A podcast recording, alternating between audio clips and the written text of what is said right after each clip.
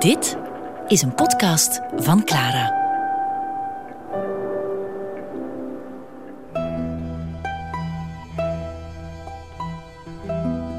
Venetia met Serge Simonaar.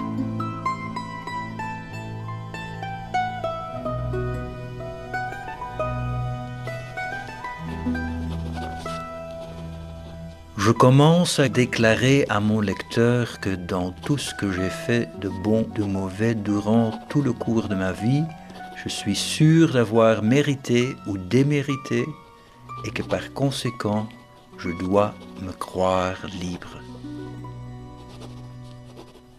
Dat is de openingszin de ma vie de fantastische Giacomo Casanova. En nu voor iemand de erudite en sympathieke Clara-luisteraar ze toch aandurft om te zeggen: Giacomo Casanova, dat was toch die vrouwengek, dat is toch die verleider? Ja, maar hij was zoveel meer dan dat. Giacomo Casanova is een van mijn helden en iemand die ik op tal van vlakken bewonder. En Histoire de ma vie is veel meer dan een chroniek van zijn veroveringen op amoureus vlak. Het is een tijdsbeeld van uh, de 18e eeuw.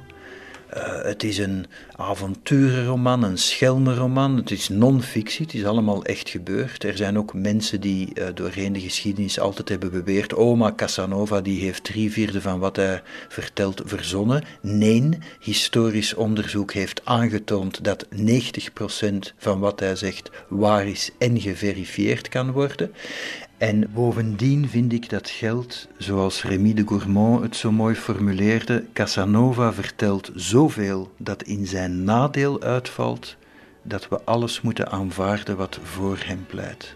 En dat is ook zo. Het is echt wat de Engelsen noemen warts and all met vratten en al erbij. Casanova spaart zichzelf niet, heeft zelf kritiek, schildert zichzelf ook af als een opportunist enzovoort. Maar 90% wat in die 1200 eh, bladzijden staat, uh, is echt gebeurd. Dus je krijgt een beeld van die tijd, een beeld van de personages uit die tijd. Hij reist ook heel veel, wat heel veel mensen toen niet deden. Uh, hij is een networker, een opportunist, een pragmatist. Hij legt contacten, hij ziet een hoop koningen, ambassadeurs, ministers, uh, personaliteiten uit die tijd. Madame de Pompadour, keizerin dit, dat. Het houdt niet op, het is zo'n rijkdom qua an anekdotiek en, en psychologie en um, menselijk vertoon, menselijke handelingen. Uh, ik, ik, ken weinig boeken die rijker, ik ken er zelfs geen boeken, denk ik, die rijker zijn dan Histoire de ma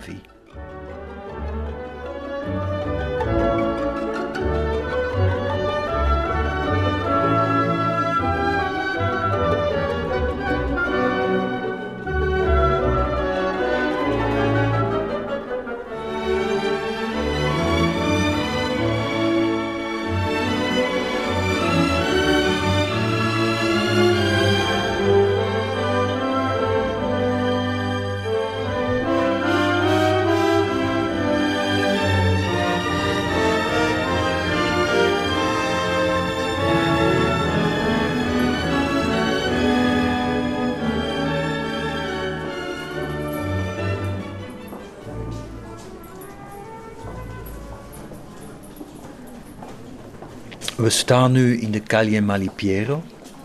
Um, Calle is straat, maar eigenlijk is het niet meer dan een, dan een donker um, derde rangs steegje. Uh, hier hangt een bord, maar het typerende aan dat bord is: er staat niet in dit huis is Giacomo Casanova geboren. Er staat in een van deze huizen die hier stonden is Giacomo Casanova geboren. Sinds de 18e eeuw, begin van de 18e eeuw als hij geboren wordt, um, is er toch het een en ander veranderd sinds 1725 en men weet niet precies meer welk huis.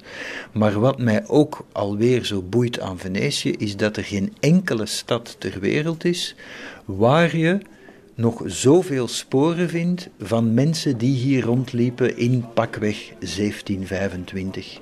Elke straat is nog vrijwel authentiek, uh, bevat originele elementen, niet 100%, maar grotendeels zou Giacomo zijn geliefde stad nog herkennen. Dat kan je niet zeggen van Brussel, Gent, Amsterdam, New York, noem maar op. Nu, het begint al goed. De moeder van Casanova was een actrice. Vergeet niet, actrices in die tijd waren weinig meer dan prostituees, hadden geen aanzien, zelfs niet bekende actrices. De mama van Casanova was een actrice uit het gezelschap van Giuseppe Imer. Ze trad hier vlakbij op, Teatro San Samuele, waar ook de grote Goldoni nog toneelstukken voor schreef. En ze noemde haar Zanetta of La Buranella, kwam van Burano oorspronkelijk, het eiland. Ze was een jonge weduwe, niet erg begaafd voor komedie, zeggen tijdgenoten, maar Imer liet haar zingen en intermezzi vertolken. En Goldoni schrijft zelfs over haar in zijn memoires en hij zegt over de moeder van Casanova: Ik liet in mijn stuk La Pupilla haar voornaamste kwaliteit naar voren komen, een sluwe ondeugendheid, verborgen achter een geveinsde schroom vrij vertaald uh, iemand die kon poseren, zich anders voordoen dan ze was en schermen met haar vrouwelijke charmes.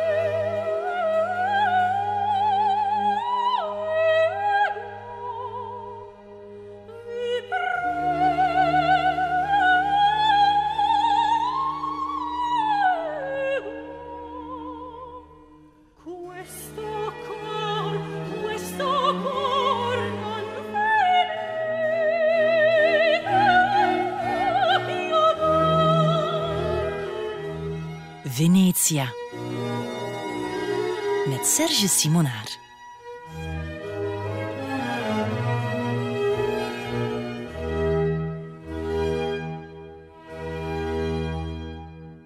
Het is nodig, vrees ik, dat ik bij mensen die de naam Casanova maar horen waaien, of zoals Don Giovanni Casanova kennen als een soort uh, pars als een soort roepnaam voor versierders, verleiders, uh, vrouwengekken, dat ik Casanova verdedigt door heel kort te schetsen wie hij eigenlijk was. De, hij was behalve een vrouwenverleider, wat hij absoluut was, vergeet niet, hij was niet alleen, als ik talrijke getuigenissen uit die tijd mag geloven, een aantrekkelijk man, een, een, man met aanzien. Hij was ook heel groot voor zijn tijd. Ik ben een meter 92. Casanova was ook een meter 90, wat in die tijd, toen de doorsnee man een meter 65 was, hoop en al, was Casanova een reus.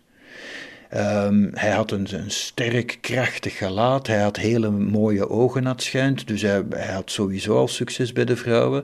Hij was ook bedreven in de verleidingskunst. Maar daarnaast was hij echt een grote intellectueel. Een, een, een geleerde, een diplomaat, een letterkundige. Hij vertaalde de Ilias van Homerus in het Italiaans. Dat is toch niet niks? Hij was filosoof, hij was alchemist, hij was spion en diplomaat een tijdje.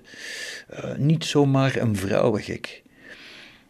En wat mij ook zo, zo boeit in die histoire de ma vie, is dat je dus ook alle allerlei andere personages ziet opdraven. De, degene die mij nu te binnen schiet, nu hier staan, is de legendarische oplichter, de graaf van Saint-Germain. Iemand die ook, net zoals uh, Casanova een tijd bezig was met uh, alchemistische experimenten, de transmutatie van steen in goud, de formule van de eeuwige jeugd, al dat soort onzin die, die toen werd uh, geslikt alsof het wetenschap was. En Saint-Germain was een. Was een ik, ik zie hem zo voor mij. Dat moet een ongelooflijke um, verbale, um, praatzieke, maar ook charismatische man zijn geweest. Die beweerde, en hij werd geloofd, hij beweerde dat hij niet 40, maar 300 jaar oud was. En dat werd dus geloofd, blijkt uit brieven van andere, andere getuigenissen. Um, Casanova kende ook zo'n andere notoire figuur, Cagliostro, uh, ook zo'n alchemist die beweerde dat hij een elixier had gemaakt, een toverdrang die de eeuwige jeugd zou uh, geven. Uh, hij beweerde ook dat hij 5500 jaar zou worden. Of al dat soort onzin eigenlijk, maar zo rijk, zo kleurrijk ook, zo, zo gelaagd. Je, krijgt zo'n beeld van heel die die society de, van toen, de high society en, en de, een, een, soort kliek waar niet alleen diplomaten en ambassadeurs en geleerden en wetenschapslui kwamen, maar avonturiers en alchemisten en oplichters. En uh, Casanova, vergeet ook niet, is de mede-oprichter en mede-uitvinder van de loterij. De eerste loterij was die van Venetië en die van Frankrijk, maar het is Casanova die ze heeft geïntroduceerd in Frankrijk. Ook niet niks, niet, niet noodzakelijk een positief gegeven, gokken en loterij, maar ook dat heeft hij uitgevonden. Dus echt, echt een, een man van zoveel interesses, talenten. Ook iemand die, nu als we het toch over vrouwen hebben, um, vlak af zei van ja, die vrouw, hele mooie vrouw, maar ja, dat is een Duitse, ik spreek zo slecht Duits, uh, daar ga ik toch niet mee naar bed, want als de taal ontbreekt, dan verdwijnt twee derde van het genot van het liefdespel. Kijk, dat is geen ordinaire verleider die zoiets zegt.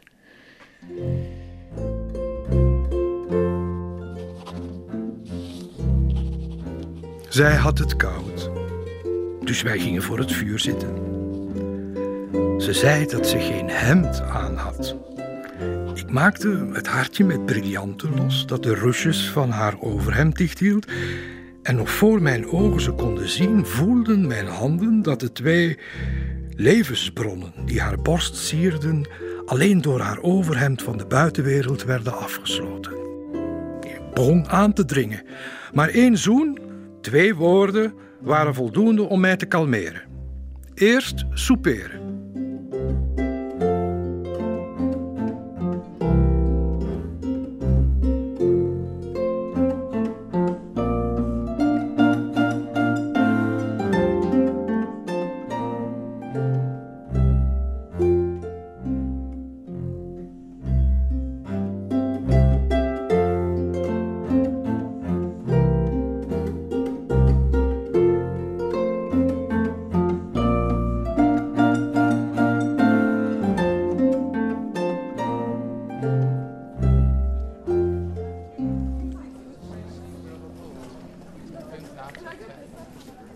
Staan nu in een ander klein straatje, de Salizada San Samuele. En ehm, dit is voor mij een bijzondere straat, want hier verloor Casanova zijn maagdelijkheid.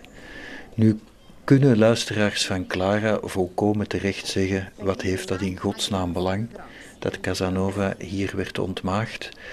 Maar het is zo'n klein, um, charmant frissonnetje waar ik me niet schuldig over voel. Uh, een, elke plek in de stad zeker in Venetië, heeft zijn geheimen, heeft zijn patina van gebeurtenissen, incidentjes, anekdotiek. En ik vind het toch wel een apart, uh, amusant gevoel om hier te staan in het straatje waar Casanova is ontmaagd. En misschien is dit een goede plek om toch iets te zeggen over de verleider Casanova. Hij heeft 260 vrouwen gehad. Dat lijkt heel veel. En dat lijkt ook pochen, maar dat wordt bevestigd door tal van getuigenissen Zowel zijn rivalen, wat ook iets zegt, geven dat toe, als zijn vrienden.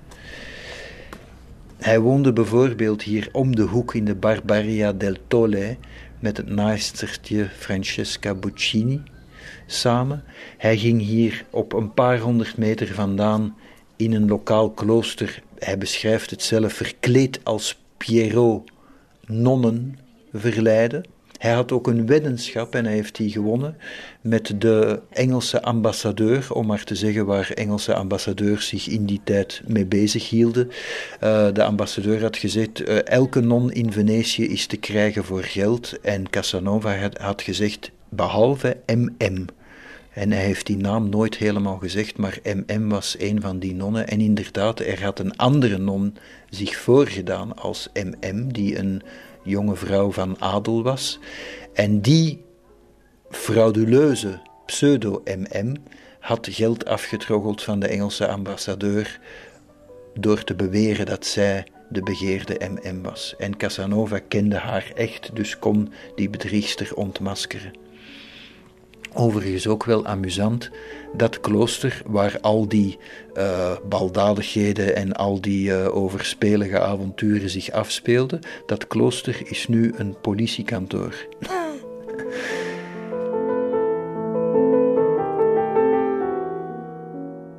Zij stond op, schoof de sofa uit, spreidde kussens, lakens en een deken uit en ik zag een echt bed.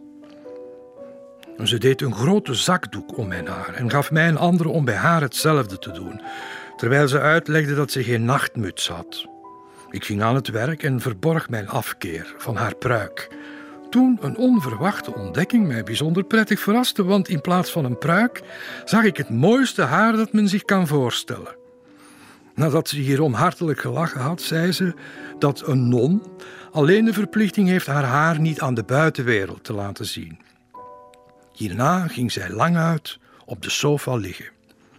Ik deed vlug mijn jas uit, schopte mijn schoenen uit en viel meer op dan naast haar. Zij klemde mij in haar armen en omdat ze zich een dwang oplegde die tegen de natuur inging, dacht ze dat ze mij om vergeving moest vragen voor het verdriet dat haar tegenstand mij moest geven. Met trillende, verlegen handen ogen die haar smeekten toegeeflijk te zijn, maakte ik de zes grote strikken los die haar jurk aan de voorkant dicht hielden. Buiten mezelf van blijdschap, omdat ze me niet tegenhield, werd ik de bezitter van onvoorstelbaar mooie borsten. Er was nog weinig tijd, maar ze kon niet beletten dat ik gretig mijn mond erop drukte, nadat ik ze had bekeken. Ik richtte mijn ogen omhoog naar haar gezicht en zag daarop de tedere, liefdevolle uitdrukking die wil zeggen: Stel je hiermee tevreden en matig je naar mijn voorbeeld. Omdat de liefde en de almachtige natuur mij dwongen en omdat het mij wanhopig maakte dat ze mijn handen niet toestond verder te gaan, deed ik alle mogelijke moeite een van haar handen naar een, een plaats te leiden waar zij zich ervan had kunnen overtuigen dat ik haar toegeeflijkheid verdiende maar met een kracht die de mijne overtrof, klampten haar handen zich aan mijn borst vast, waar zij toch niets belangwekkends kon aantreffen. Desondanks bleef haar mond juist daar rusten toen hij zich van de mijne had losgemaakt. Daarna viel ik in haar armen in slaap, terwijl ik haar in de mijne omklemd hield. Misschien was ik gewoon slaperig. Misschien was het een gevolg van de uitputting door het urenlange zoenen zonder meer te bereiken dan het inslikken van haar speeksel vermengd met het mijne. Ik schrok wakker doordat ergens klokken begonnen te luiden.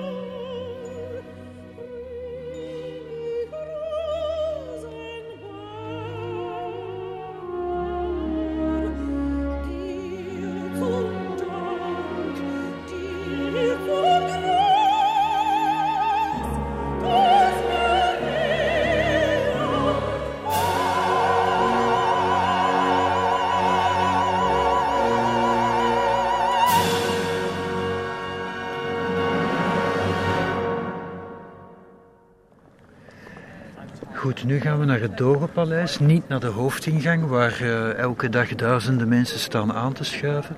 We gaan naar de zijingang en dan nemen we nog de extra aparte zijingang om uit te komen bij de gevangeniscellen en bij het uh, aparte gedeelte waar eigenlijk alleen maar geleverd werden. Dus we nemen eigenlijk uh, wat de ingang voor handelaars was. Via die zijingang kom je dan ook aan de gevangeniscellen. En het boeiende daaraan is dat er een gedeelte is aan het Dogenpaleis dat eigenlijk verborgen is en heel lang verborgen is gebleven. Een soort dubbele muur, een soort uh, verborgen ruimte uh, waar niet alleen de cellen zijn, maar ook de raadkamer, de martelkamer, de magistraten vergaderden daar. Alles wat eigenlijk verborgen moest blijven, laat ons om het simpel uit te drukken, de CIA en het FBI van de Venetiaanse staat en de Raad van Tien bevindt zich in dat aparte geheime deel. Nu kan je daar sinds een paar jaar uh, vooraf een tour boeken met een gids, maar eeuwenlang was dat verboden terrein. Sterker nog, niemand wist dat het er was.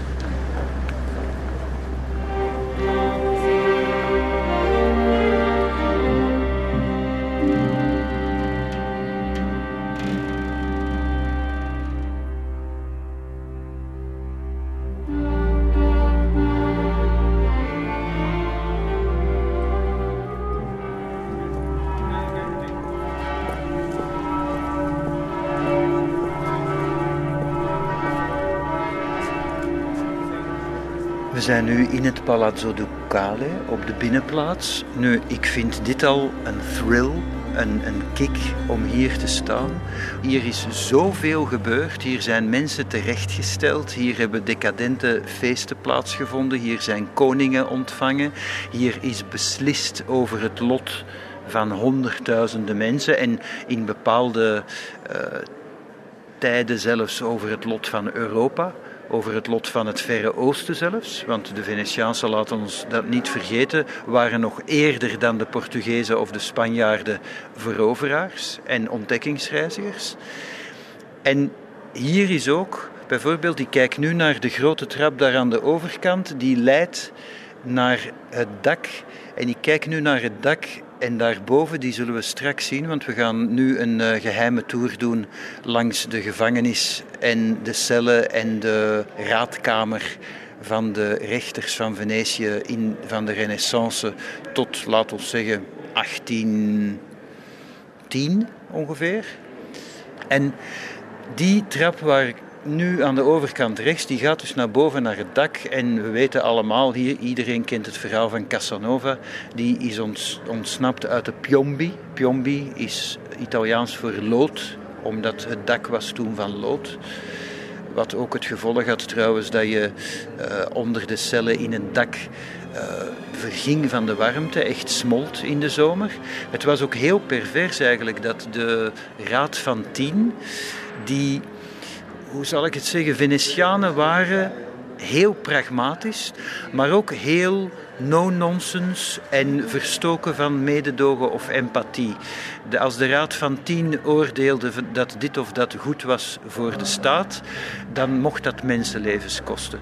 En bijvoorbeeld, de, de Raad van Tien was ook heel als ik het onbeleefd wil uitdrukken, hypocriet. Want bijvoorbeeld, zij gaven nooit straffen. Niet nooit, maar zij gaven zelden straffen die langer waren dan vijf jaar.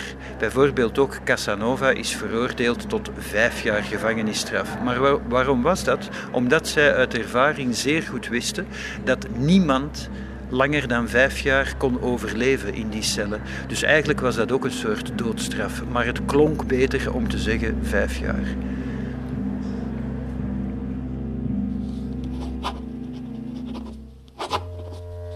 Na het vertrek van de cipier zette ik de tafel bij het gat in de deur, zodat ik wat licht had.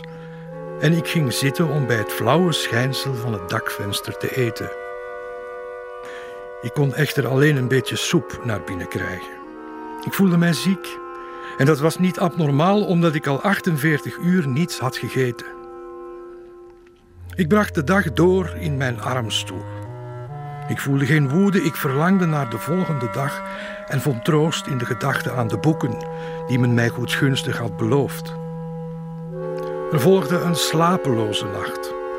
Ik hoorde steeds het akelige geluid dat de ratten op de vliering maakten en de klok van de San Marco die wanneer hij sloeg in mijn cel leek te slaan. Een bepaalde marteling waarover weinigen onder mijn lezers zullen kunnen oordelen, deed mij onduldbaar lijden. Een leger vlooien leefde zich naar hartelust uit op heel mijn lichaam. Ze dorsten naar mijn bloed en huid en staken mij met een volharding die ik niet voor mogelijk hield. Deze vervloekte insecten bezorgden mij huiveringen en spastische sidderingen en vergiftigden mijn bloed.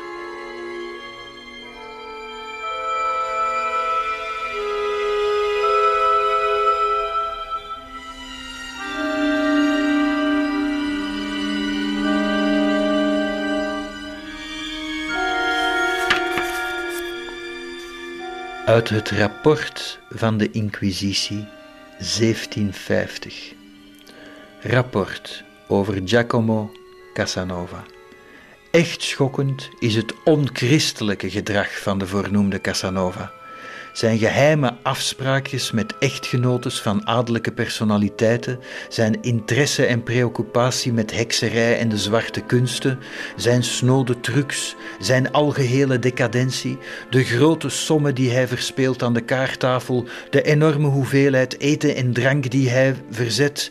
Na een paar ontmoetingen met hem, zegt de spion, tegen de inquisiteurs.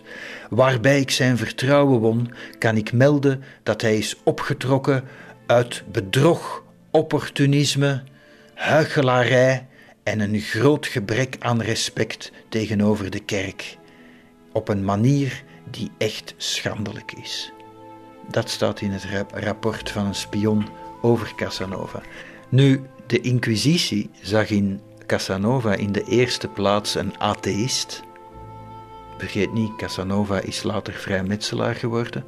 Met een laagstaande moraal dan nog, een soort filosoof van laag allooi. Een epicurist ook, pejoratief bedoeld. En die spion die ik net citeerde, Giovan Battista Manuzzi, die werd gestuurd om Casanova maandenlang in de gaten te houden en die schreef ook: Casanova is ook een man met neiging tot overdrijving, die dankzij leugens en zijn vermogen tot bedriegen de kans ziet op kosten van deze of gene te leven. En dat geeft Casanova ook toe in zijn memoires. Hij heeft gezegd: Ik ben heel rijk geweest, ik ben heel arm geweest. Hij heeft bijvoorbeeld uh, de weduwe Durfé, heeft hij jarenlang voor zijn kar gespannen. Die was echt zeer rijk. Die geloofde in alchemie, die geloofde in het eeuwige leven. Ze was ook heel oud, dus ze had er belang bij om het eeuwige leven uh, te ontdekken of te leren kennen. En Casanova heeft dat mens uh, jarenlang aan het lijntje gehouden en leefde dus echt op een, op een voet van Goh, weelde, hij had, uh, draagkoetsen, hij wordt beschreven in zijden gewaden met gouden snuifdozen.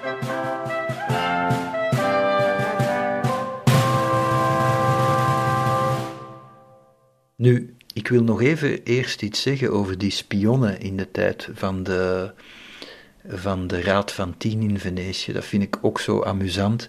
Je leest dan uh, in verschillende bronnen Um, enerzijds dat het budget voor spionage 20.000 ducaten was op een bepaald moment, ik geloof midden 18e eeuw begin 18e eeuw. Tegen 1770 was dat budget van spionnen van 20.000 ducaten gekrompen tot 4.000. En dan lees je in een andere melding van een, uh, van een ambassadeur, ik geloof ook de Engelse ambassadeur, een Engelse ambassadeur, die zegt: uh, Ja, tegenwoordig heeft Venetië eigenlijk nog maar drie spionnen in dienst. En ik citeer: van matige kwaliteit. Natuurlijk waren ze van. van matige kwaliteit. Als je weet dat het er drie zijn en je weet wie ze zijn, natuurlijk zijn ze dan van matige kwaliteit.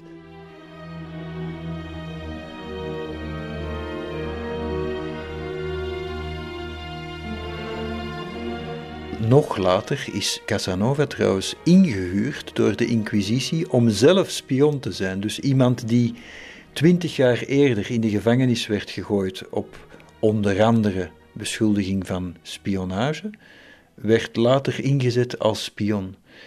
Uh, eerst werd hij zelf verklikt, want Casanova is verklikt, niet toevallig door de man wiens vrouw hij probeerde in bed te krijgen, want uh, dat, dat zaken ook een beetje in perspectief. Het was niet alleen alchemisme en ketterij en spionage, maar ook gewoon jaloezie. En later werd van Casanova verwacht dat hij ook anderen verklikte.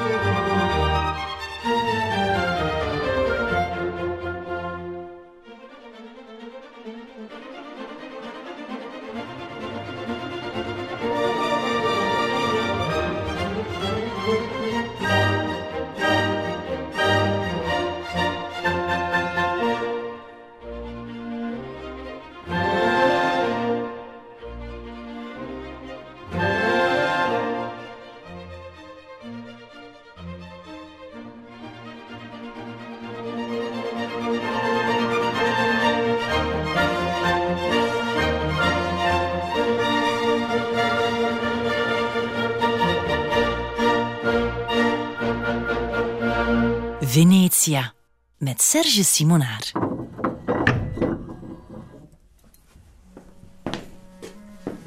Okay.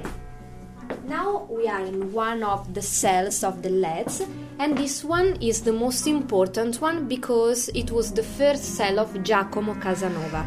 We zitten nu in wat voor mij een sanctum sanctorum is. Nu te staan in de cel waar Casanova anderhalf jaar heeft gevangen gezeten voor hij ontsnapte.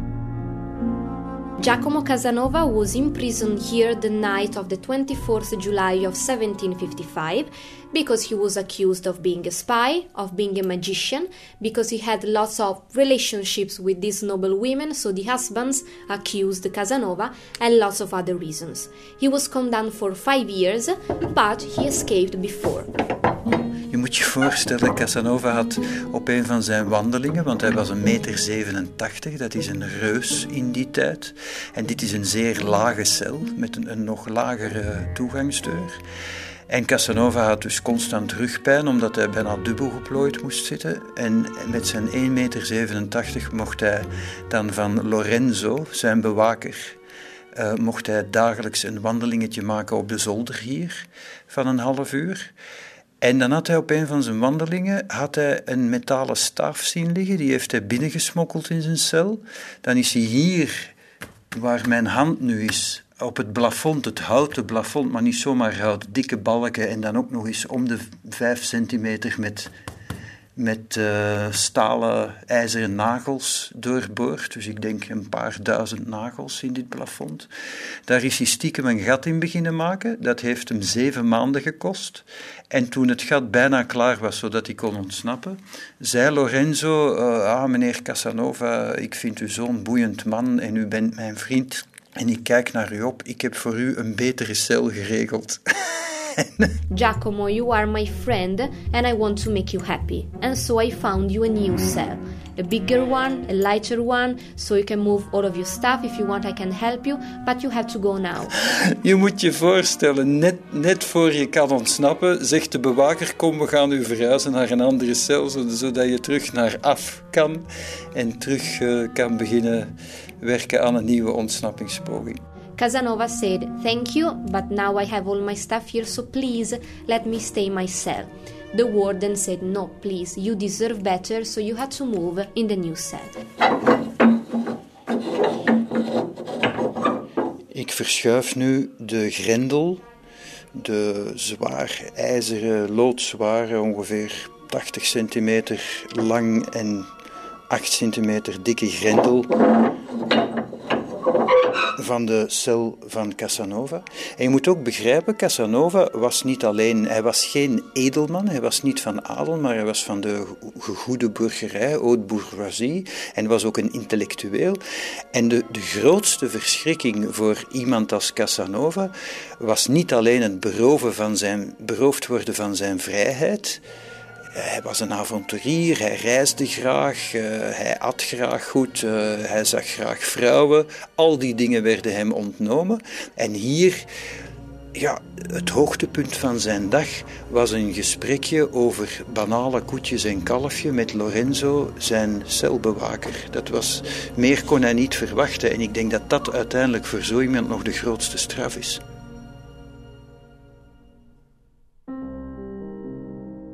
Het genieten van al mijn zintuigen was heel mijn leven mijn belangrijkste streven. Ja, iets belangrijkers bestond voor mij niet. Omdat ik het gevoel had dat ik voor het andere geslacht geboren was, heb ik steeds van hen gehouden en er alles voor over gehad om hun liefde te winnen. Ik hield ook met overgave van een goed gedekte tafel en bovendien hartstochtelijk van alles wat mijn nieuwsgierigheid wekte. Ik heb van scherp gekruide gerechten gehouden, van macaroni klaargemaakt door een goede Napolitaanse kok, oglia potrida, gezouten kabeljauw uit Newfoundland, dichtgeschroeid wildgebraad en kaas, die zijn volmaaktheid bereikt door de zichtbare larfjes die erin huizen. Wat de vrouwen betreft, vond ik altijd dat het liefje dat ik begeerde lekker rook. En hoe meer ze zweten, des te heerlijker ik haar vond. Wat een walgelijke smaak, wat een schande die toe te geven en toch niet te blozen. Ja, om zulke verwijten kan ik alleen maar lachen. Met een stalen gezicht durf ik te zeggen dat ik dankzij mijn ongeremde neigingen gelukkiger ben dan anderen, omdat ik ervan overtuigd ben dat mijn neigingen mij tot een groot genot brengen. Gelukkig is degene die dit weet te bemachtigen, zonder dat dit ten koste van iemand anders gaat. En dwaas zijn allen die zich inbeelden dat het opperwezen vreugde beleeft aan de pijnen, zorgen, onthoudingen die ze hem als offer aanbieden.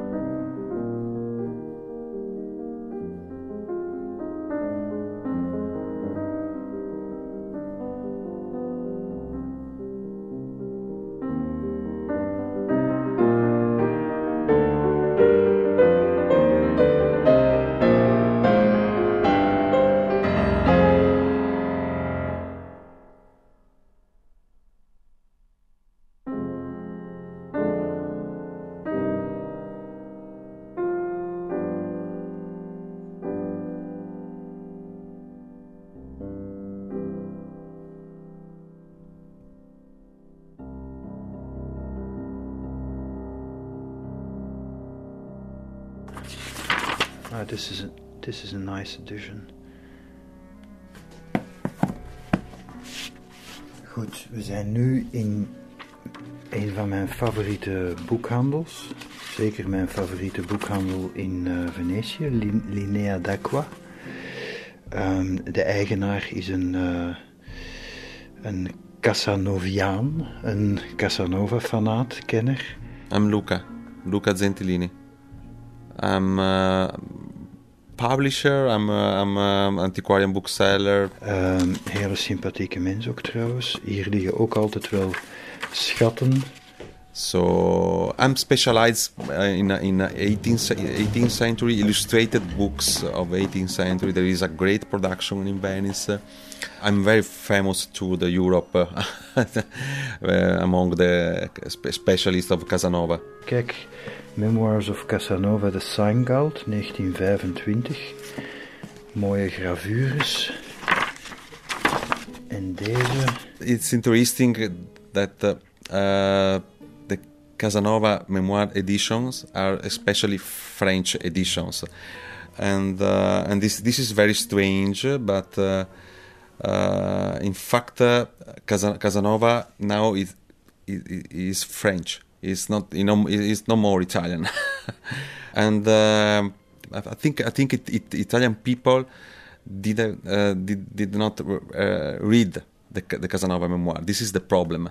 So there is a romantic myth, and uh, they they think Casanova's a lovers, uh, but they they really don't know who is Casanova. This is the problem and this is why here I, I, I, I sell I continue to sell books uh, on Casanova. I continue to publish book on Casanova and the, because I want people go go to, to, to read Casanova. Because uh, because uh, it's probably one of the, the, the, best writer of 18th century in Europe. So it's not only a lover.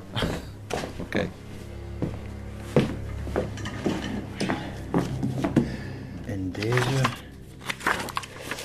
uh, met prachtige portret van Casanova trouwens het, uh, het enige portret waarvan zeker is dat het een uh, portret is van hem. Dus zo zag jij er echt uit in. Je, zie, je ziet, misschien beeld ik het mij in, maar ik, ik kijk naar dat profiel. Scherpe grote neus, pret oogjes zou ik zeggen. Ook een, een zweem van een glimlach om de mond.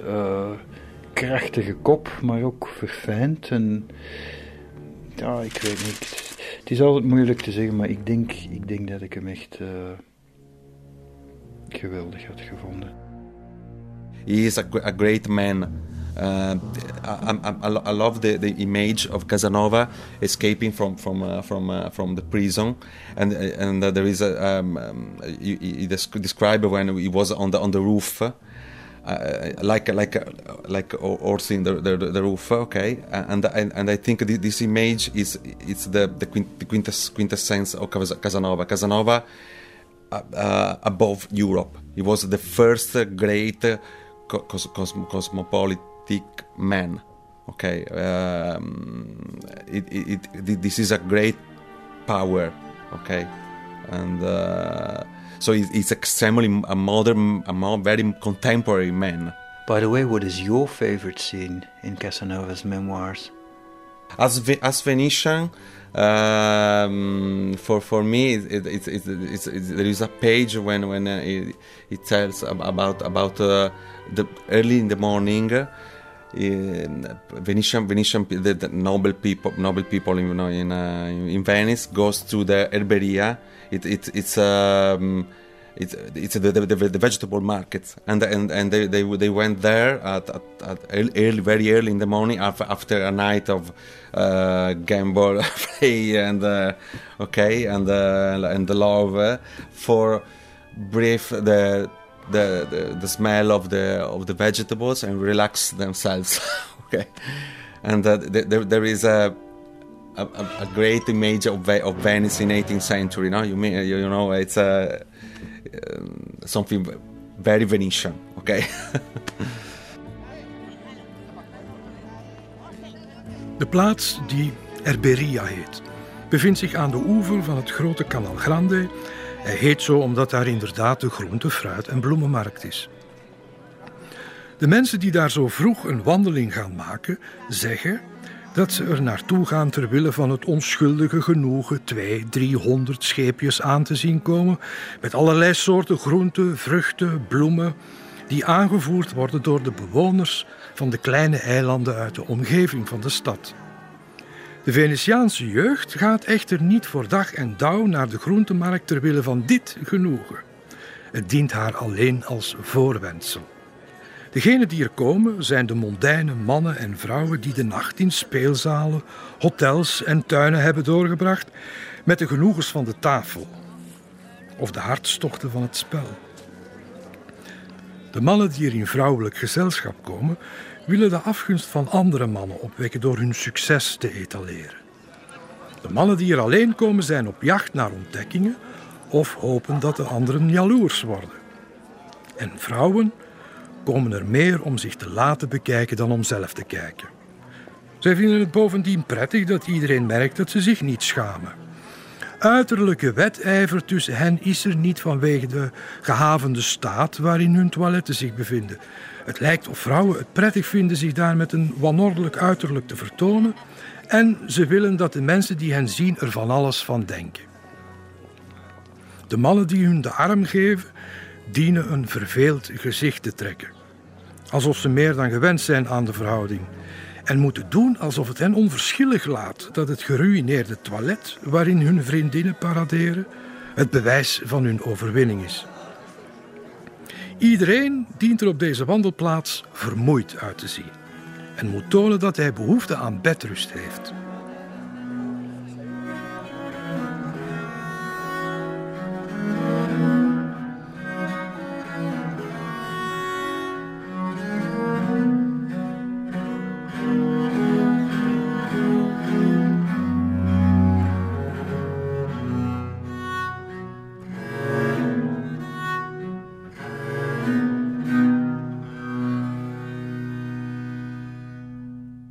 Casanova in England. Kijk, een boek, al, dat vind ik ook boeiend, al in, in 1897 was er al iemand die het nodig vond om een, uh, vergeet niet, dat is uh, eh, 100 jaar na zijn dood, vond iemand nodig om een boek te schrijven van meer dan 300 bladzijden, alleen maar over de periode dat Casanova in Engeland was. Uh, een korte periode trouwens. Wat mij intrigeert, en dat heb ik nog nooit kunnen echt nagaan, ontdekken, bewijzen. Het is geweten dat Casanova een tijd in Amsterdam heeft gezeten. En hij is dan van Amsterdam uh, gereisd via Antwerpen. Uh, rond 18, 20 september, dus op mijn verjaardag, is hij in Antwerpen geweest. Um, en dan is hij doorgereisd naar Doornik. Maar wat hij in Antwerpen heeft gedaan, waar hij heeft verbleven, wat hij in Doornik heeft gedaan, dat is allemaal onduidelijk waar hij heeft verbleven in Doornik. Uh, maar hij is dus in wat we nu België noemen geweest, Giacomo Casanova. Zij het op doorreis. Nu, het is. Uh, vrij relatief recent dat de originele, authentieke, uh, volledige versie van de memoires van Casanova is uitgegeven. Er zijn heel veel piraten uitgegeven, al in de 19e eeuw, al in de vroege 19e eeuw zelfs, piratenuitgaven, uh, met, met uh, stukken gecensureerd, wat, wat ironisch is, want er zijn ook uitgaven waar bijvoorbeeld wat je niet eens seksscènes kan noemen, want hij beschrijft nooit seks. Dat, dat vind ik ook elegant aan hem. Hij, het is nooit, uh, hij gebruikt geen schuttingtaal. Hij, hij, vertelt wat er gebeurt, maar nooit in termen van, en, enfin, je kan het je voorstellen. En zo zijn er een aantal, echt tientallen piratenuitgaven geweest, waarin mensen enerzijds Casanova censureerden en anderzijds er pornografische, zelfverzonnen scènes aan toevoegde. En dat heeft de naam van Casanova natuurlijk ook geschaad uh, door de jaren heen, eeuwen heen.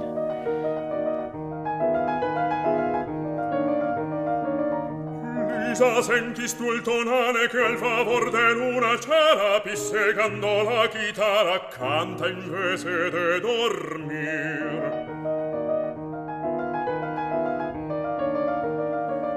Dasti oggi amor purtroppo, ma scassa la quiete in bando, e serarli un contrabbando per sti oggi sepoldir.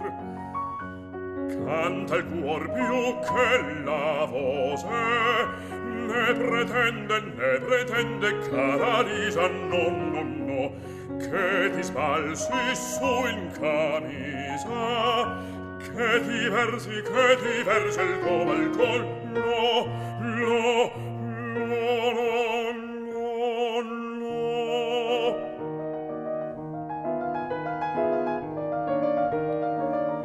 Lisa, sentis tu il tonale che al favor de luna cera, pissegando la chitarra, canta invece de dormir.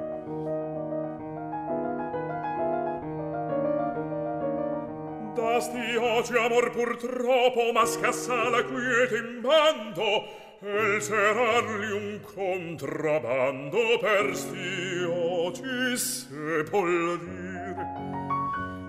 Canta il cuor più che la voce, ne pretende, ne pretende, cara Lisa, no, no, no, che ti sbalzi su in camisa che ti versi che ti versi il tuo balcon no no no no no no mia vita me contento che domani al primo addio ti metti sentio Paralisa se somon. Ne pretende Caralisa, ne pretende Caralisa Che ti spalzi su in camisa, che ti verge il tuo balcon. La mia vita me contento, che domani al primo addio. Chi me dighi to sentio Paralisa se somon prime digitto sentivo Vardalisa se sobon Varda, varda, varda Vardalisa, Vardalisa, Vardalisa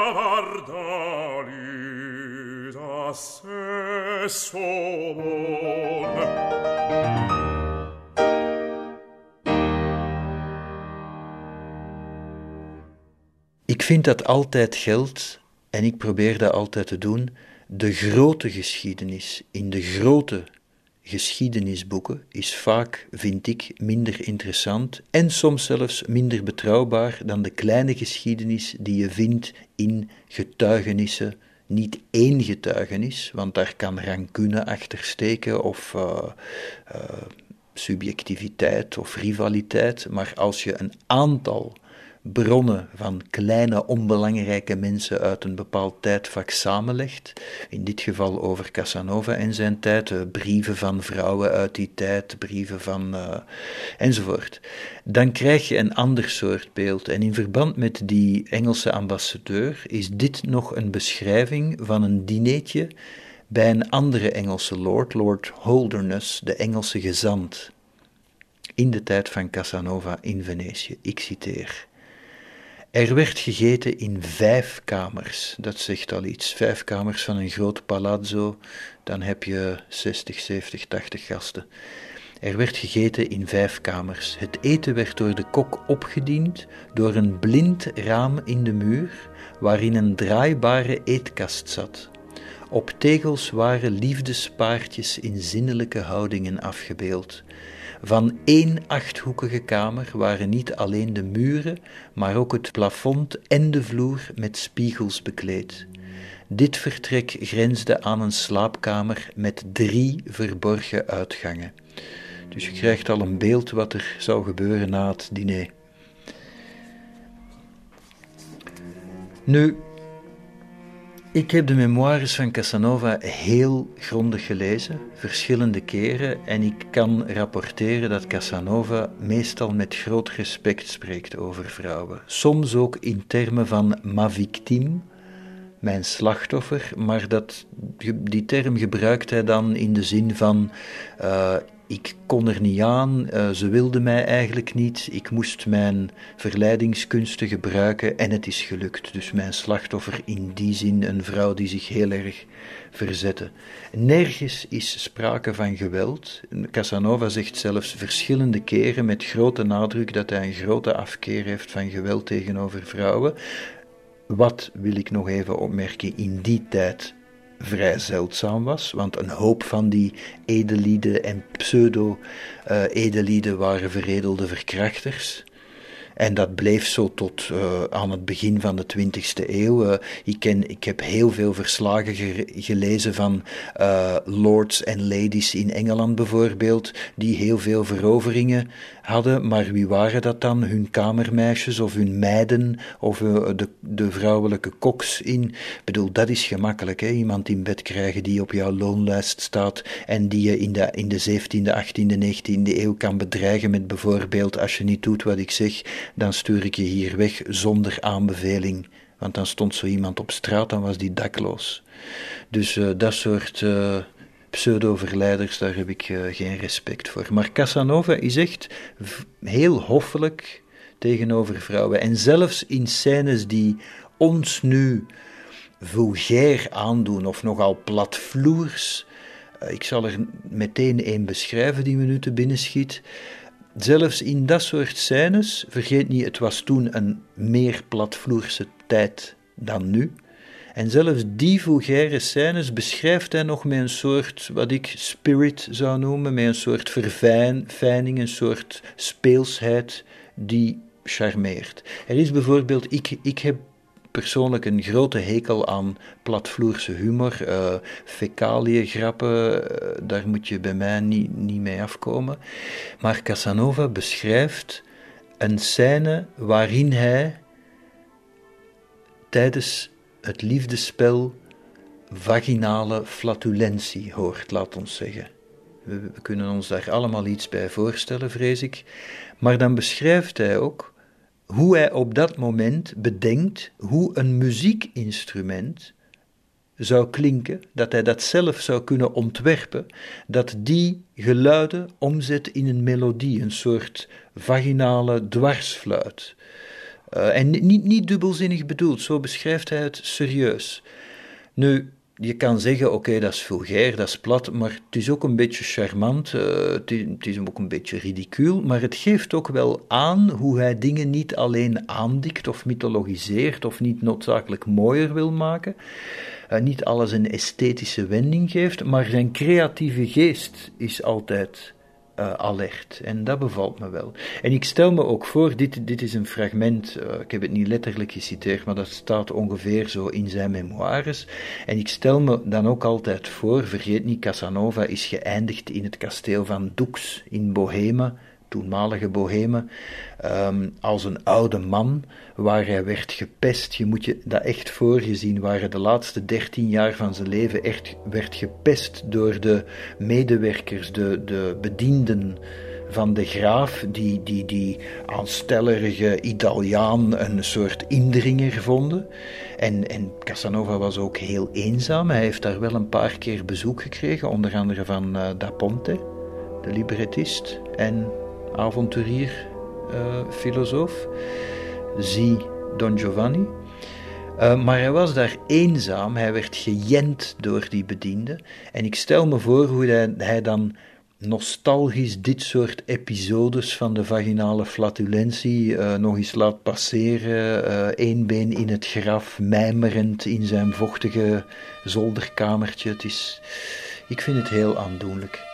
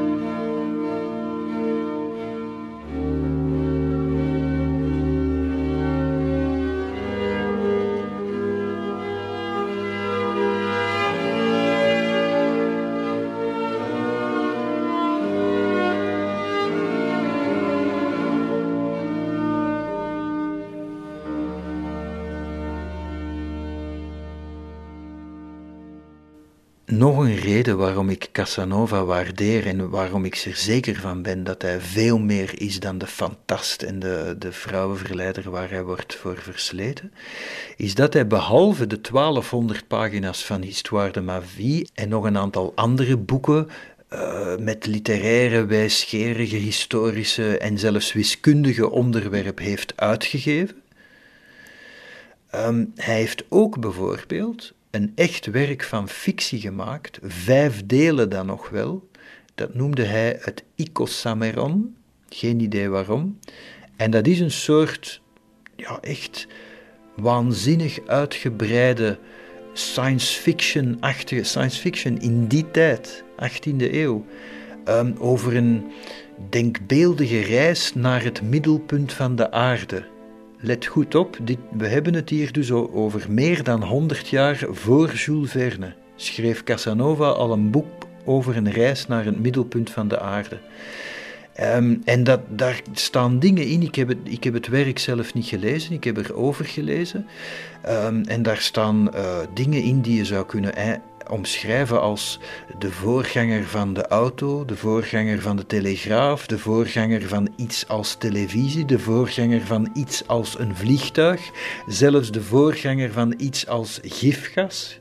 Al die dingen beschrijft Casanova in 1788 uh, in zijn ik weet zelfs niet of er, nog uh, exemplaren van bestaan nu, want het is, het is uitgegeven, dat is bekend, maar het verkocht niet goed. Ik geloof dat hij, als ik me goed herinner, 350 exemplaren in eigen beheer had uitgegeven of zoiets, en dat er maar 100 zijn verkocht of zoiets.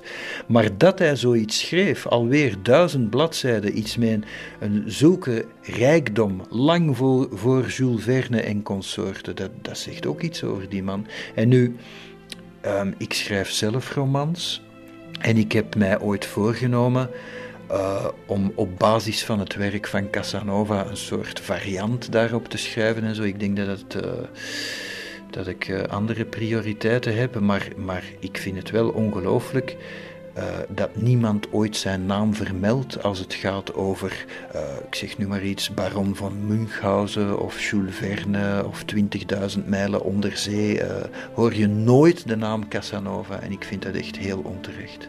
Maar als je bijvoorbeeld leest in de memoires van de Prince de Ligne, die zelf absoluut geen hoen was, dat was een zeer ontwikkeld man, en wat zegt die over Casanova?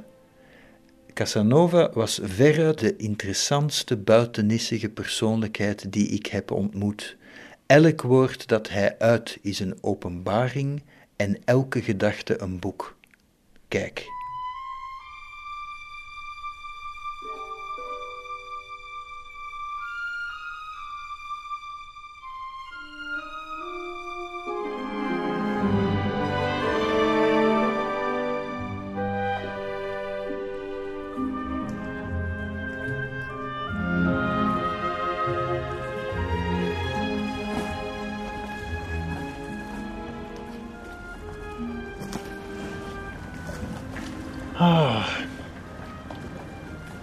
Ik denk dat ik hier zonder overdrijven de voorbije uh, eh, 30 jaar misschien wel, ik weet het niet, 50 keer heb gestaan, 60 keer. Um, wat zie ik? Links van mij het Dogenpaleis, vlak voor mij de Brug der Zuchten, rechts voor mij de gevangenis.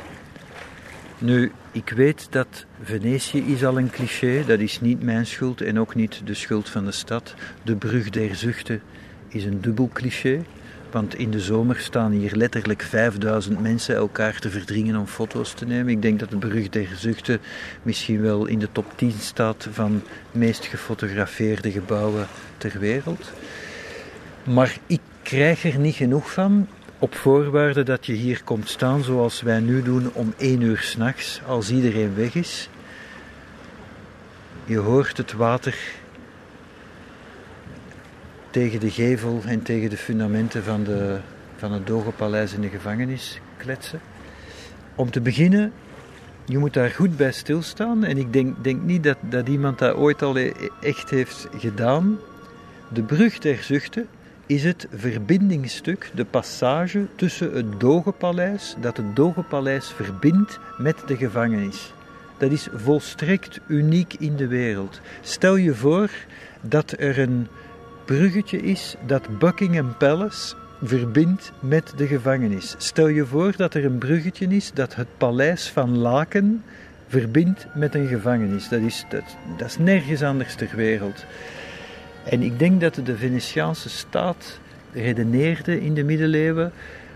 eh, wat is die uitdrukking nu weer? Eh, keep your friends close and your enemies closer. Met andere woorden, als, de, als ze de gevangenen en de vijanden van de staat verder van het Dogenpaleis weghielden, dan hadden ze er ook minder controle over. Ik denk dat dat de redenering was. Of misschien was het gewoon een pervers uitloopsel van het gebrek aan de scheiding der machten. Nu, in de, je ziet hier de gevel van het Dogenpaleis. Onder de waterlijn, in de kelder, bevinden zich de pozzi. De pozzi wil eigenlijk zeggen ehm, de, de bronnen. Ehm, bij Aqua Alta liepen die ook over. Je moet je voorstellen dat je daar gevangen zit. Alleen het plebs werd daar gevangen zit. Is de, de gewone ordinaire burger. Want als een edelman exact dezelfde misdaad pleegde, dan werd hij minder hard gestraft. Zoals Orwell al zei, alle varkens zijn gelijk, maar sommige varkens zijn gelijker dan andere. Dat gold al in Venetië. Dus de onderste gevangeniscellen in de kelder liepen regelmatig onder. Vandaar ook dat de gevangenen het niet lang uithielden. Koude, eh, bevriezing, eh, vocht, noem maar op. Schimmel, ratten. En de bovenste gevangeniscellen, hoog boven de brug der zuchten nog, heette de Pyombi van lood. Het dak was in lood. Waarom? Omdat het gebouw zich moest zetten en lode daken eh, zetten zich en breken en barsten dus minder snel. En dan had je ook nog de orbe. En de orbe waren de geblindeerde cellen. En dat lijkt mij het allerergste, dat je niet alleen gevangen zit in een kleine cel. Veel van die cellen waren heel laag, je kon niet eens recht staan. Ik ben een meter 95, ik heb veel empathie voor mensen die in zo'n cel zaten. En dan werd je ook nog eens geblinddoekt. Dus je cel had geen ramen, je kon niet recht staan en je werd geblinddoekt. En je wist door die blinddoek ook niet wanneer het dag of nacht was. Dus je slaappatroon werd totaal verstoord en je had ook geen besef van tijd meer. Dat lijkt me echt psychologisch heel zwaar om te dragen. Nu, ondertussen weet bijna iedereen op deze planeet, en zeker de klare luisteraars, dat hier Giacomo Casanova als enige ooit is weten te ontsnappen uit de Pyombi. Hij had een cel helemaal bovenaan. Eerst heeft hij een gat gemaakt in de vloer. Godzijdank is dat mislukt. Met een ons verbeelding kan je van hieruit zien hoe Giacomo Casanova heeft, het heeft gedaan. Ik heb zijn memoires volledig gelezen. Ik ken heel het verhaal. Hij vertelt het natuurlijk met enorme brio. Hij melkt het ook echt uit. Uh, ik denk ook dat hij het iets overdrijft. Maar alle details, als je nu kijkt, alle details kloppen. Hij zegt hoe dat hij uitkomt op het dak met door de, het lode dak breekt, dan bijna valt aan wat we nu, want dat bestond toen niet in die vorm, maar wat we nu um, de dakgoot zullen noemen, viel hij bijna naar beneden. Dan hebben ze zich, want hij had een uh, handlanger, een helper bij, een assistent eigenlijk, die had gewonnen voor zijn uh, plannetje. Maar die durfde al niet meer mee. Dus die bleef op dat dak vastzitten, want die was verlamd van angst. Ik denk dat dit toch hoe hoog is dat? 40 meter. Dus als je een beetje hoogtevrees hebt, vergeet ook niet, mensen waren heel klein in die tijd, dus het zal 60 meter hebben geleken toen. Die man durfde niet eens naar beneden en Giacomo, Giacomo Casanova heeft toen minutenlang verspild aan het proberen overtuigen van zijn handlanger. Maar nee, nee, laat je gewoon zakken aan het touw. En dan uiteindelijk is, heeft Casanova zich laten zakken aan een touw tot die ramen daar schuin boven de brug der zuchten. En daar had hij het grote geluk, en dat is later ook bes, beschreven in het proces verbaal, dat hier nog te bekijken is. Of enfin, je mag het niet bekijken, uh, maar het is er. Um, dus dat klopt, dat detail. Hij had het grote geluk dat iemand een raam was vergeten te sluiten. Dus hij heeft dat raam kunnen openen. Dan heeft hij ook kleren gevonden, alweer een grote meevaller. En hij heeft dus terug, want hij was natuurlijk in zijn gevangenisplunje. Hij moet er uitgezien hebben als een zwerver. Hij heeft dus uh, die mooie kleren aangedaan. Hij heeft gewoon gewacht tot de ochtend, tot het paleis terug openging. Dan heeft hij de bewakers geroepen en geveinsd dat hij, een, uh, dat hij was ingesloten per ongeluk de avond tevoren in het palazzo. van ja, ze zijn mij vergeten, doe eens open, want ik moet naar huis. Uh, ik heb hier al de hele nacht moeten slapen. Oh ja, pardon meneer. En hij is zo het Palazzo Ducale kunnen uitwandelen als vrijman. Nu, wat ik geweldig vind, um, is dat zijn bewaker vind ik weer, ik, ik zeg het zijn altijd de details die fantastisch zijn. Zijn bewaker, die nogal een, laat ons zeggen, dweperige, ijdele domkop was, die heel makkelijk te manipuleren was, die heette Lorenzo. Zijn bewaker is, omdat hij Casanova heeft mee laten ontsnappen, indirect en onvrijwillig, maar niettemin, is die bewaker zelf in de gevangenis gegooid en heeft hij zelf hier in de cel van Casanova tien jaar moeten zitten. Stel je dat voor. En wat ik ook zo mooi vind, we weten natuurlijk ook allemaal dat Lord Byron in Venetië heeft gewoond en hier ook geweest is, maar alweer een mooi detail vind ik het volgende. Ik lees even voor. I stood in Venice on the Bridge of Sighs, a palace and a prison on each hand. I saw from out the wave her structures rise, as from a stroke from the enchanter's wand. A thousand years their cloudy wings expand around me, and a dying glory smiles over the far times where many a subject looks to the winged lions marble piles. Nu, dat vind ik persoonlijk een middelmatig gedicht. Ik geef ook toe dat ik het middelmatig heb voorgedragen. Maar wat ik dan weer fantastisch vind, als, is dat een vriend van Lord Byron, namelijk Bulwer Lytton, in een van zijn dagboeken het volgende vermeldt. Um, er waren um, graffiti graffiti zouden wij nu zeggen, inscripties door um, gevangenen uit de middeleeuwen en uit de renaissance. Vergeet niet Byron, dan hebben we het over 1805, 1810, die periode ongeveer. En toen waren er nog vaagweg zichtbaar graffiti van gevangenen uit de middeleeuwen en uit de renaissance, van een paar eeuwen uit dus. En wat zegt die Boer Lytton? Um,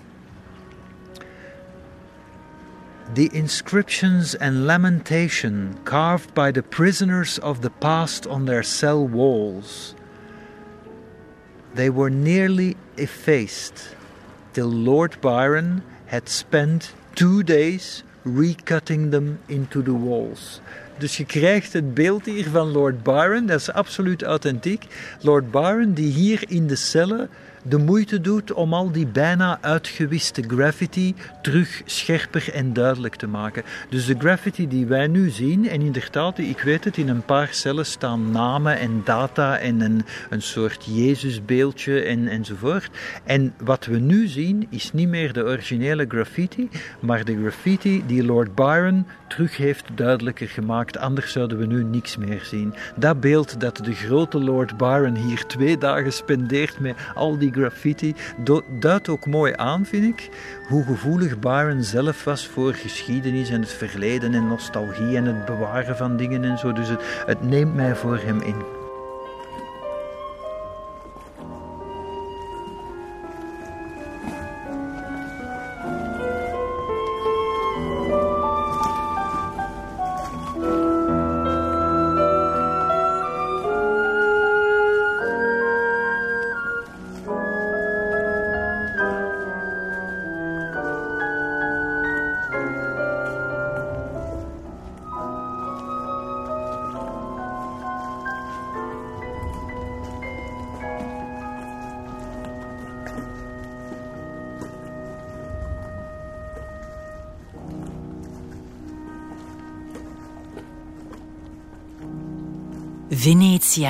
Met Serge Simonaar.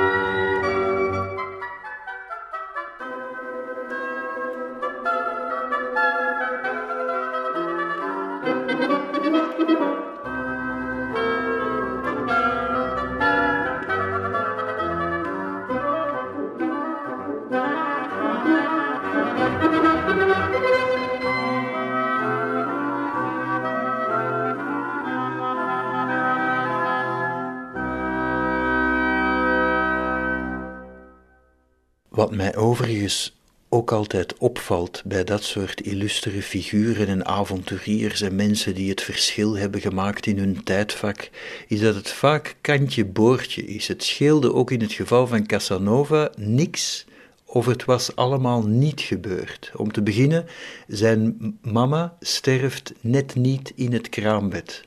Als ze wel was gestorven, was Casanova nooit geboren.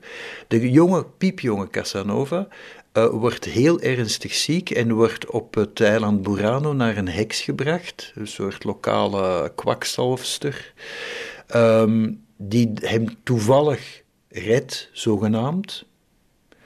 Dan is hij toevallig, goede timing, bij senator Bragadin als die een ongelukje heeft, uh, Casanova helpt, mag mee naar het palazzo van Bragadin. Bragadin wordt ernstig ziek. Casanova geeft één tip, één suggestie die tegen de suggestie van de chirurgijnen, de, de kwakzalvers, de dokters van Bragadin ingaat en Casanova blijkt gelijk te hebben, als ze doen wat Casanova zegt, zeer tegen de zin van die dokters, uh, die natuurlijk denken, die, waar, waar komt die snotneus zich hier moeien, maar Bragadin wordt beter, Mirakel, Bragadin adopteert Casanova. Hij wordt een protégé, hij krijgt een toelage, hij mag in het palazzo wonen. Vergeet niet, Casanova, zoon van een onbenullige eh, actrice van Lagerwal. Plots is hij de protégé van een senator van La Serenissima.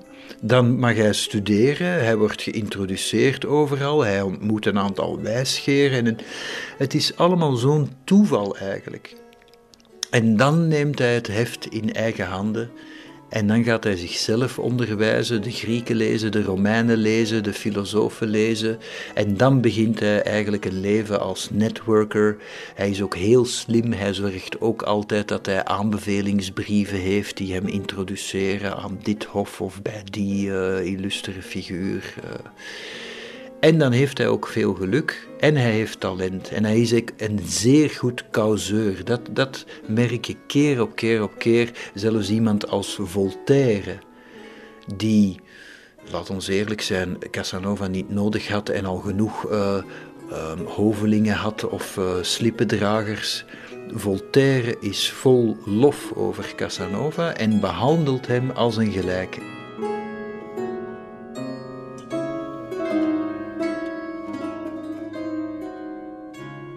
Dit is bijvoorbeeld een dialoog tussen Casanova en Voltaire, die beschreven is, dat, niet verzonnen, niet verzonnen door Casanova, echt historisch. Casanova begint. Zie hier, het gelukkigste moment van mijn leven. Eindelijk sta ik oog in oog met mijn meester. Reeds twintig jaar lang, meneer, ben ik uw leerling. Voltaire. Doe mij de eer, meneer, met nog eens twintig jaar, maar beloof mij daarna mijn honorarium te komen brengen. Casanova, dat beloof ik, maar belooft u mij dan op mij te zullen wachten? Wat ook een mooie manier is om te zeggen: Ik hoop dat u heel oud wordt. Waarop Voltaire zegt: Ik geef u mijn woord en ik zal eerder aan het leven verzaken dan aan mijn woord. Wat ook een heel spitsvondig antwoord is, want eigenlijk zegt Voltaire: Ik zal eerder aan mijn leven verzaken dan jong te sterven. Dus met andere woorden, ik beloof u dat ik heel oud word. En dit is echt een getuigenis, dat is echt, echt zo gebeurd en dat is ook een gesprek dat ze niet kunnen hebben voorbereid. Uh, geen van beiden, dus dat is toch uh, op uh, tamelijk qua causeurgehalte op hoog niveau. Um, het, het, neemt mij ook in voor Voltaire overigens, want Voltaire had zo'n status op dat moment dat hij net zo goed had kunnen neerkijken of denigreren toen over Casanova, of doen alsof alleen hij, Voltaire, er goed uitkomt, maar dat doet hij niet, wat ook grootmoedig is.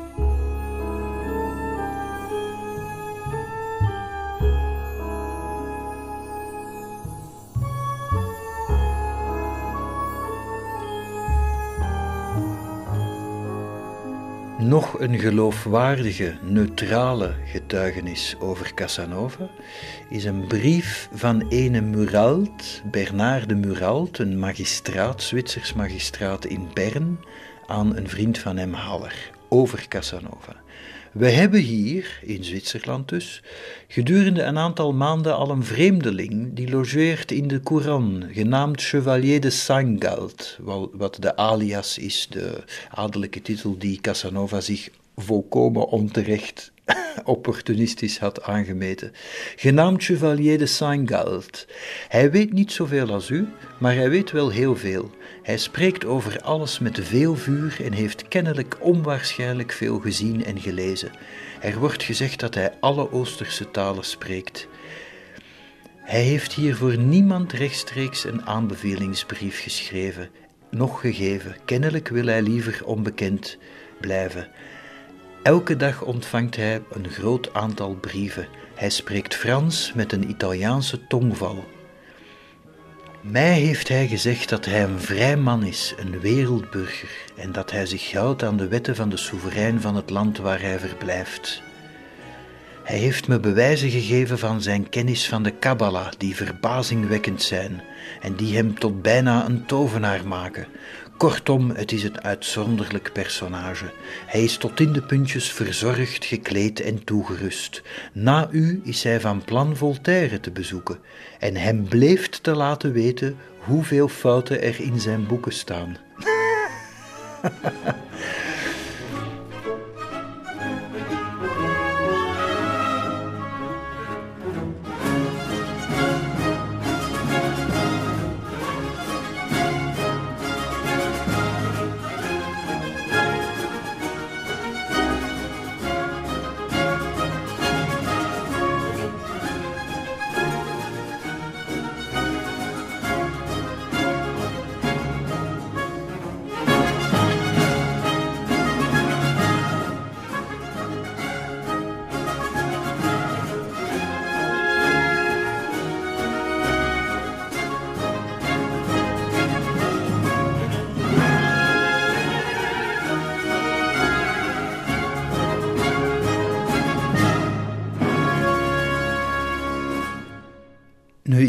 wat ik zo boeiend vind in Casanova is ook het feit dat zijn Histoire de ma vie een, een beeld geeft van zijn tijd en zijn tijdgenoten.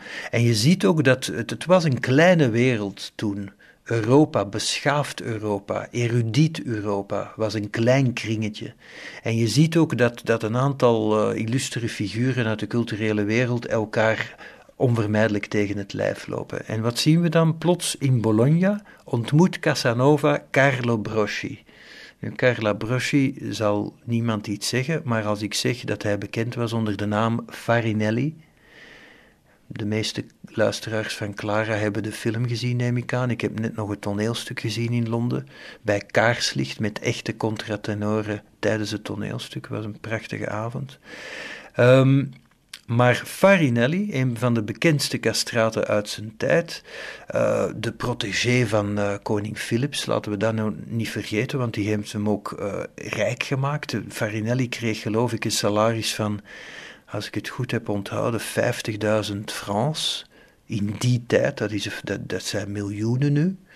Uh, om gewoon een stuk of zes aria's een aantal weken te zingen. Dat is de, echt een fabelachtige som.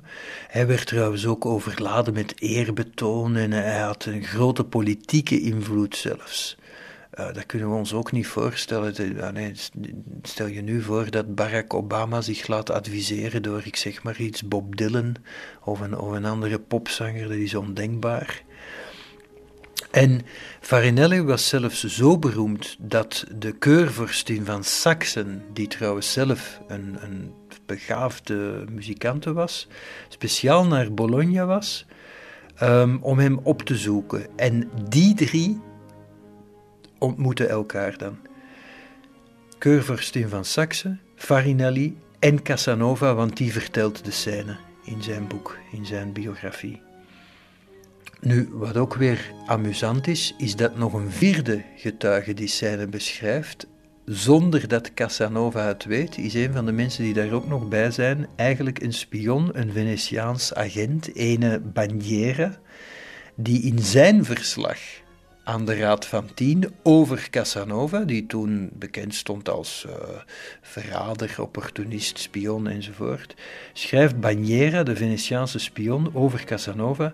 Hij gaat en staat waar hij wil. Hij heeft een open gezicht met het hoofd steeds geheven en goed gekleed. Hij wordt in een aantal huizen ontvangen en geeft het nieuws prijs dat hij voornemens is over enige weken naar Triest te reizen en vandaar naar Duitsland. Hij is op zijn hoogst 40 jaar oud, heel vlijend voor Casanova, want die was toen al 48, van reizige gestalte met een goed en robuust voorkomen, zeer gebruinde huid en levendige ogen.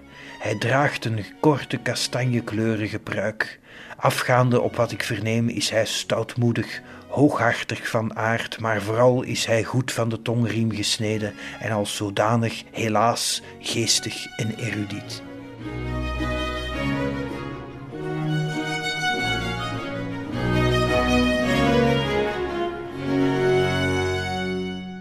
Ook amusant is dat Casanova zelf privé eerder al een um, aanvaring of, of een, een vriendschap had gesloten met ene Bellino, een castraat, maar typisch een van die, en dat wordt ook bevestigd door andere bronnen, ik zeg het er maar even bij, omdat dit weer zo'n verhaal is waarvan je denkt hij heeft het verzonnen. Het is zo ver gezocht. Hij ontmoet een Bellino, een hele mooie, fijn gebouwde jongen, maar Casanova is heteroseksueel, dus dat interesseert hem niet zo, maar wel echt een, een mooi jongetje. Um, een kastraat, hele mooie stem. Hij leert die kennen, die zoekt zo wat uh, toenadering. Uh, maar hij denkt, ja, echt een, een, een, prachtig wezen. Vergeet ook niet, in die tijd, castraten hadden iets engelachtigs. Het was ook een, een soort... Um, een, een natuur, een mirakel, een natuurwonder. Uh, wij bekijken dat nu als een soort aberratie, een kastraat, maar in die tijd was dat iets om geweldig naar op te kijken, alsof engelen waren nedergedaald op aarde, zo moet je dat zien in, in einde 18e eeuw. En hij is gefascineerd door Bellino, maar hij denkt van ja, kijk, mij jongetje in bed wippen, dat, dat zegt mij niks. Uh. Maar hij doet het dan toch, en wat blijkt, het is een meisje. En vrouwen mochten niet zingen, vandaar trouwens de castraten. Ehm, maar het is een meisje dat gewoon om zichzelf te redden van de armoede, van, van, van een, een zekere dood aan ondervoeding, uh, heeft hij bij iemand een neppenis gekocht. En Casanova beschrijft het in detail, een soort apparatus gemaakt uit was en uit uh, varkensdarm, dat gekneed is en dat er een beetje uitziet als een penis en dat ook um, op de vagina wordt geplakt met een soort lijm, dus over de vulva. Dus, en castraten werden natuurlijk gecontroleerd, als je, niet, niet als je werd gecastreerd, maar als je bijvoorbeeld later als castraat, als die ergens auditie deed, aan het hof bijvoorbeeld, dan was daar altijd iemand die de castraat controleerde of het wel degelijk een man was en of hij wel deed. Maar soms die controle werd gedaan, soms door uh, een non die eigenlijk nog nooit een echte penis had gezien, of door, door zo iemand die heel wereldvreemd was. Um, en uh, ze kwam ermee weg, blijkbaar, Bellino. Haar echte naam was trouwens Teresa. Of haar echte naam was Angela Calori, maar haar roepnaam voor haar intimidie als ze terugging naar haar dorp in de buurt van Milaan was Teresa. En toen Casanova, vertelt hij zelf in Histoire de ma vie, ontdekt dat Bellino de castraat eigenlijk het liefelijke meisje Angela Calora is, Teresa, wil hij met haar trouwen. Maar wat ook wel amusant is, heel Histoire de ma vie, dus 1200 bladzijden, uh, heeft hij denk ik 30 of 40 keer enthousiaste trouwplannen en hij is nooit getrouwd.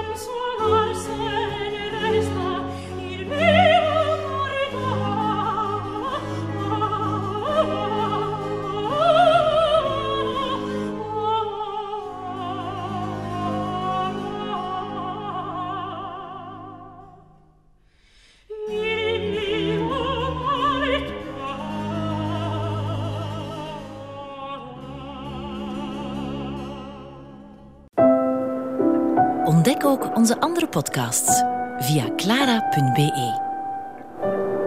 Clara Podcast. Blijf verwonderd.